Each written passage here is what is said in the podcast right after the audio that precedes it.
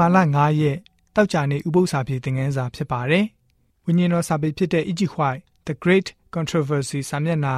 982မှာဆိုလို့ရှိရင်ဘယ်လိုမျိုးဖော်ပြထားလဲဆိုတော့ကောင်းကင်ကစတင်ခဲ့တဲ့မဟာတိုက်လံပွဲကြီးမှာစာဒန်ဟာဖျားသခင်ရဲ့ပြည့်ညတ်တော်ကိုဖောက်ဖျက်ပစ်ဖို့အကြံအစီရှိပါတယ်။အဲ့ဒီအကြံအစီအထမြောက်စေဖို့သူဟာဖန်ဆင်းရှင်ကိုထကြွပုန်ကန်ပါတယ်။ကောင်းကင်ကနေနှင်ချခြင်းခံရတဲ့အတိုင်းအဲ့ဒီစစ်ပွဲကို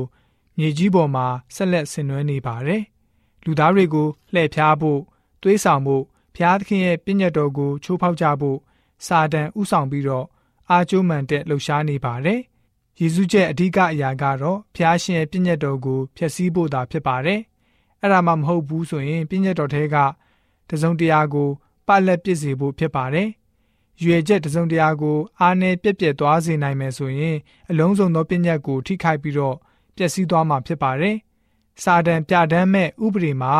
လွန်ကျူးခြင်းအမှုကို ခွင့်ပြုဖို့ဖြစ်ပါတယ်။သူဟာအရာအလုံးကိုညှဉ်းညူးစေတဲ့သူတယောက်ဖြစ်လာပါတယ်ဆိုပြီးတော့မှဝိညာဉ်တော်စာပေကဖော်ပြလိုထားပါတယ်။ဆက်လက်ပြီးတော့ဝိညာဉ်တော်စာပေဖြစ်တဲ့ Egypt White Patriots and Prophets စာမျက်နှာ454မှာဆိုလို့ရှိရင်လည်းပဲ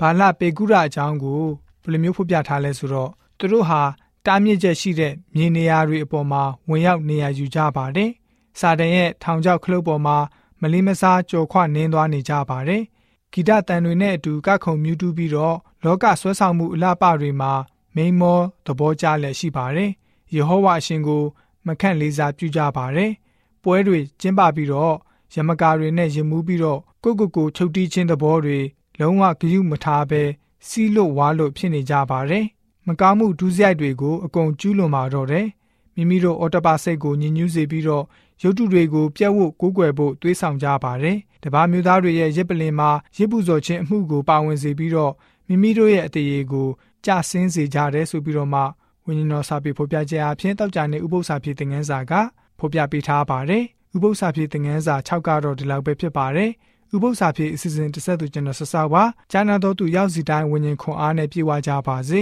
။ကျေးဇူးတင်ပါတယ်။